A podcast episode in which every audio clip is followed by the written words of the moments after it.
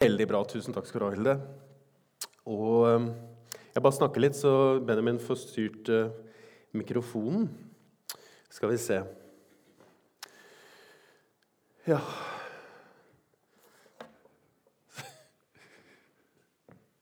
Så fint. Ja, det er siste gang jeg får lov til å gjøre det. Kan vi gjøre det en gang til? Så fint å være her. Det er bra.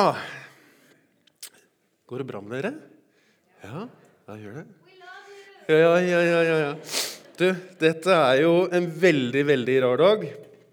Og så har jeg faktisk skrevet i manus noe som jeg aldri har skrevet før. Der står det 'Når jeg vandret til kirken i dag'. Det er jo sånn eh, prester og pastor pleier å si når jeg vandret til kirken i dag. Så hørte jeg på en sang i bilen. Um, og den eh, teksten er sånn Du sier jeg er din, selv på min verste dag. Du sier jeg er sterk, når jeg tror jeg er svak. Du sier jeg er nok, når jeg ikke strekker til, og når jeg ikke selv kan gå så bærer du mitt liv. Og jeg tror, ja, jeg tror, dine ord om meg. Ja, jeg tror, og nå er tiden kommet for å gi deg alt jeg er og har. Du skal få hver seier, Gud, og du skal få hvert nederlag. Det er jo en som har båret meg i disse ni årene, og det er Jesus, og jeg har alt å takke han for. Og så hadde jeg ikke tenkt å grine. For da klarer jeg ikke å stoppe. Det var litt sånn når vi hadde dåp for to uker siden. Jeg kjente bare pressa på og tenkte at nå må du, ikke, nå må du stoppe, Martin, for hvis ikke så klarer du ikke å stoppe. Men jeg skal prøve å prøve jeg kom gjennom et ganske langt manus. skjønner du. Jeg, sagt, jeg sa til, jeg sa Gunnar spurte hvor lang tid trenger du. Så jeg 20-25 minutter. Jeg bare tøys. vet du. Jeg trenger mye lengre tid enn det. Nei da. Ja. Jeg har lyst til å først å si at Dette er jo da min siste gudstjeneste som ansatt i SMK. Jeg har vært her i ni år. Tenk på det. Syv år som hovedpastor. Du trenger ikke klappe. Ikke klappe. Nei. Eh, men for meg da, så betyr det at eh, et kapittel i mitt liv og min families liv er over. Eh, det er jo sånn at Å jobbe som pastor det er man på en måte ikke fra åtte til fire. Man er det 24-7, og jeg føler nesten ikke jeg har hatt ferie heller, for jeg har hatt vakt liksom, i tilfelle noen døde. Det var jo aldri noen som døde på sommeren, så det gikk jo fint, liksom. Men, men nesten, i hvert fall. Men disse årene har jo vært fylt av glede og litt sorg, masse bekymring og ganske mye jubel. Det har det. Og så har jeg fått lov til å være med på ting som jeg ikke trodde at jeg skulle få lov til å være med på. Uh, og sett ting og gjort ting som jeg heller aldri hadde tenkt. Jeg har fått se at Gud er en Gud som er med oss gjennom alle ting, gjennom hele livet og gjennom disse årene. Fordi jeg tror at Hans ord om meg er sant. At når jeg føler meg svak, så er det Han som gjør meg sterk. Og at jeg faktisk er god nok, selv når jeg føler at jeg ikke strekker til. Og det har jeg gjort utrolig mye. Følt at jeg ikke har strukket til. Men Han bærer. Og Så spurte jeg Hilde om hun kunne synge 'Heie på deg'. Ehm, for er det noe jeg har kjent på, så er jo det at eh, Gud heier på oss, og at dere heier på meg, og at vi heier på hverandre. Så vi heier på hverandre. Det var ikke en veldig flott start. Tenkte at det skulle være sånn sørgegudstjeneste. Det skal det ikke være. Ja. Og så Ja, jeg gjør det. Heier på deg. Jeg gjør det. Ikke klappe. Nei. Og så har jeg tenkt, Det har jo vært ni spennende år. Det har jo skjedd mye her oppe. Noe av det første jeg gjorde, var jo å fjerne prekkestolen. Det ble jo litt trøblete. Og så fjerna vi et bord. Og så, har jeg tenkt at for dere nå som kjenner åh, nå skal vi endelig få flytta det lerretet igjen, så er det jo muligheter for det. Men da må jeg ta det opp på, på menighetsmøtet, og da skal jeg holde meg fast. Noe av det som jeg syns har vært mest fint med å jobbe her i disse ni årene, er disse her. Um, for disse her Eh, det er eh, ungdommer som enten har gått siste år på, videregående skole ehm, Du ser at Borge er godt representert. Ehm, det er da disse ni. Disse har gått enten siste år på videregående Eller så har de hatt en svingom på et år på bibelskole. Og så har vi hatt de her i staben enten et halvt år eller et år. Eh, og det har vært noe av det fineste, syns jeg. Det å sende de ut. Det å ha de her. Og liksom kunne bidra litt inn. og Gi noe innspill og ha de med i staben. Det har vært veldig fint. Og siste nå er jo Konstanse. Hun oppe til høyre. Nesten, i hvert fall. Det er broren til høyre. Jeg fant ikke noe bedre bilde av Oskar, egentlig. Um, så det Så det kan man jo ta med seg, da. Ja. Men ellers var det fint. Tidemann nå egentlig var heller ikke så Det er han i midten der. Du ser liksom ikke, men du ser at det er Tidemann. Det er bra. Og Så håper jeg at eh, gudstjenesteuttrykk og stabsuttrykk vokser seg ungt framover. Det tror jeg. Eller det håper jeg. Så jeg har lyst til å si takk. Jeg har ikke begynt å tale ennå, men jeg har lyst til å si takk for tiden jeg har vært her. Takk til eh, menigheten for at dere ga meg tillit. Når jeg begynte, vet du, så var jeg jo 31 år. Og så gikk det litt tid, og så fikk jeg et daglig lederansvar. Da var jeg 32. Og så ble jeg pastor. Da var jeg 33 og har vært det i 20 år. Det er jo helt vilt, egentlig, at en menighet på 165 år, og nærmere 170 år nå, eh, valgte det. Så takk for det. Eh, takk for alle gode ord, og takk for morgenlevering på døra. For samtaler, og takk til dere som eh, har invitert meg tett inn på livet når det har vært bra, og når det har vært forferdelig vondt og vanskelig. Takk for det. Um, så jeg har lyst til å takke menighetens lederskap, og det er jo mange av dere som har sittet i det, for den tiden.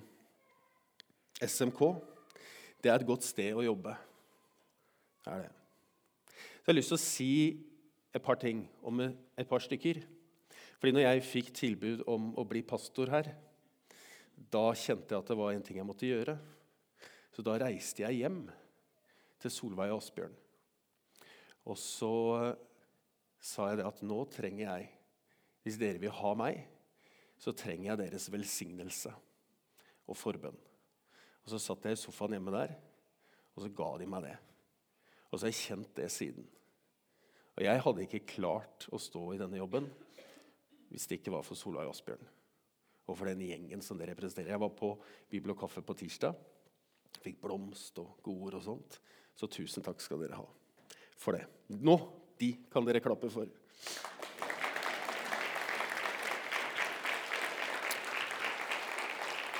Ja. Jeg kunne nevnt mange, men jeg skal ikke gjøre det, for da føler noen seg urettferdig behandla. Og det skal vi ikke. Eh, nei da. Men jeg skal ikke nevne noen flere. Men jeg kunne nevne mange av dere. Hvor mye dere har betydd for meg, den jobben jeg har hatt. Jeg har jo da fått fritt tema. Og det kan du tenke, det er jo flott, for da kan du snakke om hva du vil. Men det er jo ikke så lett, for hva skal man da snakke om? Når, man, når det er helt fritt, det er mye lettere når man er bundet til noe. Men det jeg har lyst til å snakke om, er hvordan skal vi være mot andre. Jeg har lyst til å snakke om hvordan Jesus og Paulus sier at vi skal behandle folk og behandle mennesker. Hva som skal kjennetegne oss. Og så tenker jeg at Hvis vi skal ha noen som helst troverdighet i byen vår, så må vi behandle mennesker ordentlig. Og det sier Paulus og Jesus veldig mye om. Og så Vi skal se på det i lys av to bibeltekster. Men før vi går dit, så har jeg et par ting som jeg har lyst til å si først. For jeg har jo sagt mye i løpet av disse årene. Mye, det er jo mange som har sovet godt på gudstjenesten, spesielt under talene. Det har vært gjespende. Noe har vært provoserende, noe har vært utfordrende, og kanskje et par ting har vært oppmuntring. Og så er det noe av det jeg har sagt som jeg har fått ganske sterk kritikk på også, og det er helt greit. Men det jeg har lyst til at du skal sitte igjen med, det er at Jesus inviterer deg først og fremst til å følge etter ham. Om du tror eller ikke, om du forstår alt du leser eller ikke, om du tror på alt som står i Bibelen bokstavelig eller ikke. Jesus inviterer deg til å følge etter han. Høre hva han sier, se hva han gjør, og så forsøker vi å gjøre det samme som. Og så tror jeg at dersom vi gjør det, så blir livet vårt bedre. Det tror jeg. Jeg tror vi får bedre relasjoner med hverandre og i familiene våre. Og så tror jeg vi får det bedre med oss selv. Og så er jeg overbevist om at verden og Skien ville blitt et mye bedre sted hvis vi forsøkte å følge etter Jesus. Og, så, og i det da, så er det jo litt sånn oh, Det er ikke alt som er like viktig i den kristne troen. Det er mye som er viktig, men det er ikke alt som er like viktig. Og Derfor er det jo ganske mange ting som vi har hørt eller tror at er viktig, eller at tror at det er ting vi må gjøre eller mene eller tro, som vi faktisk ikke trenger å gjøre, mene eller tro for å være etterfølger av Jesus. Det er ganske mange ting. Men det er én ting som vi ikke kan la være. Og det er det jeg skal snakke om. Og Settingen er at Jesus har invitert disiplene til påskemåltid. De har spist. Han har vaska disiplenes føtter. Judas har forsvunnet ut i natten. Han har forlatt bygget. Og så er det akkurat som at Jesus samler gutta rundt seg og sier Det er litt sånn siste peptalk. Og sier han nå gutter, nå skal vi innta Jerusalem. Nå skal vi slåss. Nå skal vi vise hva vi er gode for. Nå skal vi stå opp for alt det vi tror på, og, og alt Skriftene sier. Nå skal vi virkelig herje på. Er det det han sier? Nå skal vi vise oss? Nei. Han samler rundt seg, men så sier han 'mine barn', sier han til de gutta.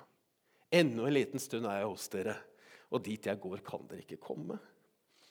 Og Det var jo veldig rart for gutta, for de hadde jo fulgt Jesus i tre år. og vært med han overalt, og Plutselig så sier han at dit jeg går nå, kan ikke dere komme. Det er nesten som en bok som vi har i få igjen, som heter 'Hva skjer av Gud'? Ja, det er bare Roar som skjønner den vitsen. Men hvor skal Ja. Og Da sier Jesus det, som har fulgt den kristne kirke gjennom 2000 år. Det er fundamentet vårt for hvordan vi skal forholde oss til hverandre. Og Det er jo dette han nå sier, som har gjort at kristne mennesker har bygd sykehus, skoler, driver diakonale prosjekter, driver hjelpearbeid, driver bistandsarbeid, driver rusomsorg. Driver alt det gode arbeidet, det som Jesus nå sier. Dette er grunnlaget for det som skal kjennetegne Kirken. Dette er evangeliet. Hva er det Jesus sier? Han sier, 'Et nytt bud gir jeg dere.' Dere skal elske hverandre. Og så sier disiplene, 'Ja, men det har vi hørt før.' Det står i Gamle Testamentet. Det har vi hørt før. Og du har også sagt det før, og vi vet at vi skal elske hverandre. Høres veldig flott ut. Og så sier Jesus, 'Ja, men som jeg har elsket dere, skal dere elske hverandre.' Det betyr at dere skal ikke elske hverandre slik dere elsker hverandre. Nei, dere skal elske hverandre slik jeg har elsket dere. Det er sånn dere skal elske hverandre. Og Jesus han bøyde seg jo ned fra himmelen, fra himmelriket ned til vår jord. Bodde her, levde her og døde her. For oss. Så høyt skal vi elske hverandre. Fordi Jesus han driver jo primært og reiser opp folk. Han trykker jo ikke ned. Han reiser de opp. En som heter Geir Johannessen, som er pastor i Salem i Kristiansand, han sier det at, at Jesus er i oppstandelsesbransjen. Altså Han reiser folk opp. Det vi som skal gjøre som kirke, den, den, denne elsk, elskingen, denne kjærligheten, det er å reise hverandre opp.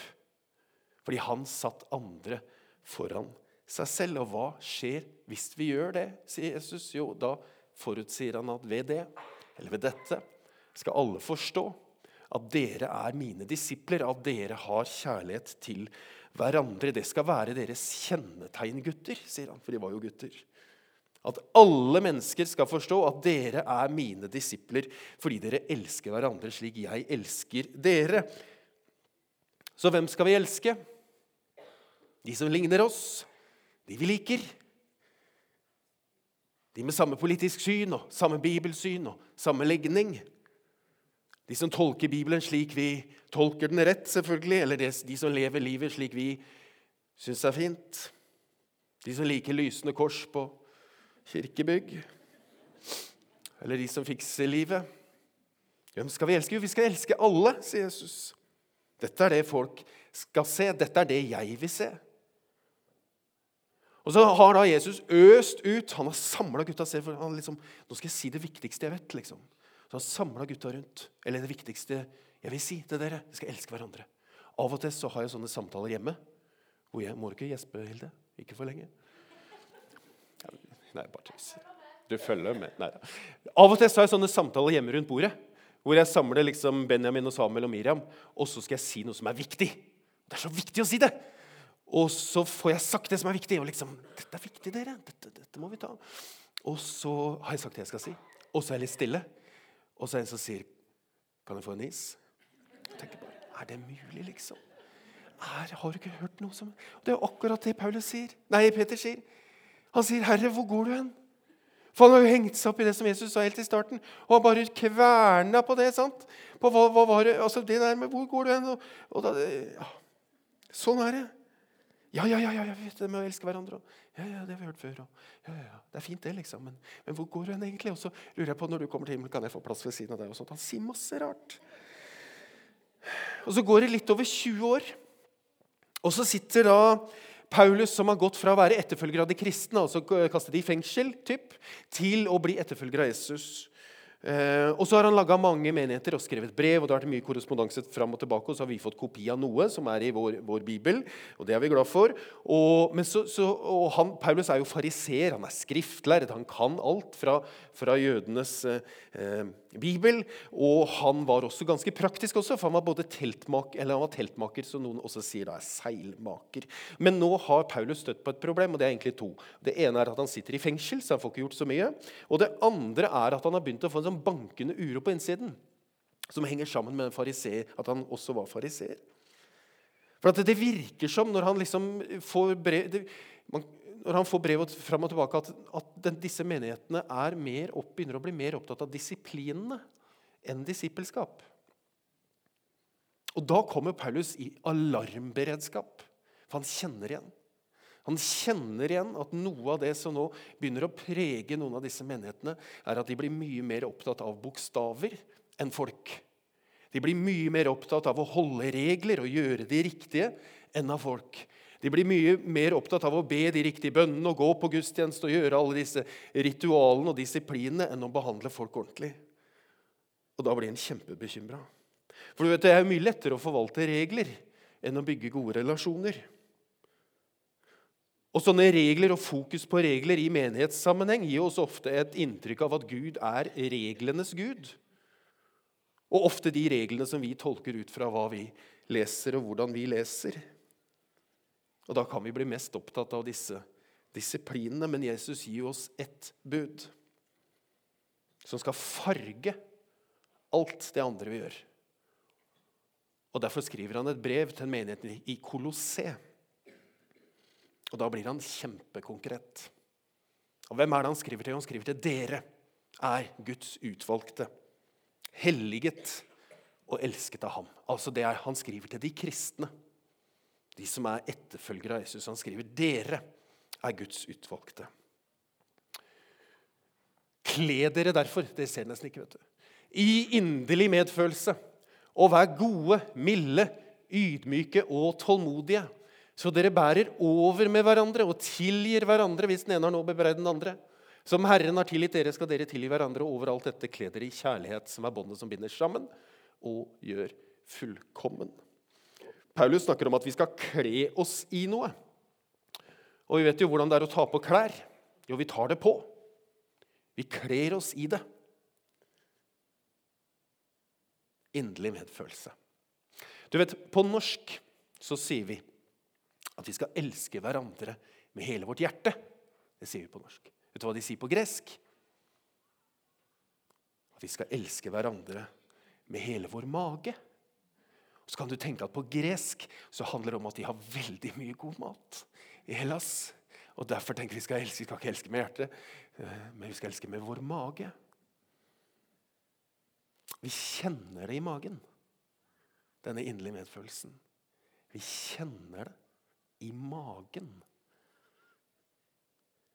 Du kjenner den følelsen når du kjenner i magen. Når du møter noen og du bare kjenner wow.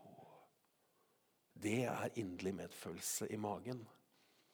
Vet du hva som er det motsatte av inderlig medfølelse? det er at du kunne gjort det bedre. Du kunne øvd mer. Du kunne trent mer. I hvert fall du som har den posisjonen som du har. Du burde vite bedre. Og Det motsatte kan jo også være det vi ikke sier. Når det er stille, eller bare hevede øyebryn, eller du hører ingenting, vi bare er borte. Eller at vi bare bruker tomme ord uten innhold og kjærlighet. Nå smiler jeg for at jeg har skrevet noe her som jeg skal si. Vi husker dere Pythagoras? Alle er sånn Pythagoras læresetning. Husker dere hva det er? Nei, ikke jeg heller! Og derfor skrev jeg det ned. Det var jo han som utvikla læresetningen i geometri, som beskriver forholdet mellom sidene i en rettvinklet trekant. Og for alle backflash til ungdomsskolen. Setningen sier, følg med, at kvadratet på hypotenusen i en rettvinklet trekant er lik summen av kvadratene på de to katetene. Hvis katetenes lengder er A og B, og hypotenusen har lengde C, er altså A i annen pluss B i annen er lik C i annen. Det var Pythagoras. Kjempegøy. Vet du hva han sa? Pythagoras i tillegg til dette, han sa mye klokt. Han sa at stillhet er bedre enn tomme ord. Så den inderlige medfølelsen, den kan du kjenne i magen. Det er et ordtak som sier at tomme tønner ramler mest. Og av og til så kan du ha en inderlig medfølelse, kjenne det i magen og være stille. For det er ofte bedre enn tomme ord. Og så sier han jo dette om godhet. Og, og, godhet er det en veldig klok person som har sagt at godhet er når du låner din styrke til en annen. Altså, jeg, jeg ser Eller jeg orker ikke, men det er en annen som kommer og løfter. Jeg ser at du ikke Men jeg gir deg styrke. Jeg løfter deg opp uten å forvente noe igjen. Så har du disse mildhet, ydmykhet og tålmodighet, som egentlig handler om likeverdighet. At vi kan møtes på likt nivå.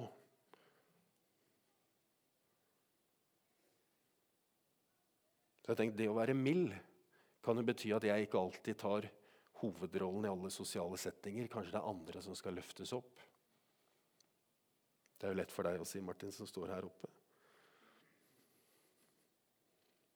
Men det kan hende at det er andre som trenger fokus. Vi går mer ydmykt inn. Det sies fra forskningen at det som skiller gode ledere fra veldig gode ledere, det er bare én ting. Og det er evnen til ydmykhet hos de veldig gode ledere. For de vet det, at de ikke vet alt, selv om de vet mye. Og de vet også det at den situasjonen som jeg har opplevd selv, og som ligner på din, den er jo fremdeles bare min. Og at jeg også har bare sett deg gjennom mine egne øyne.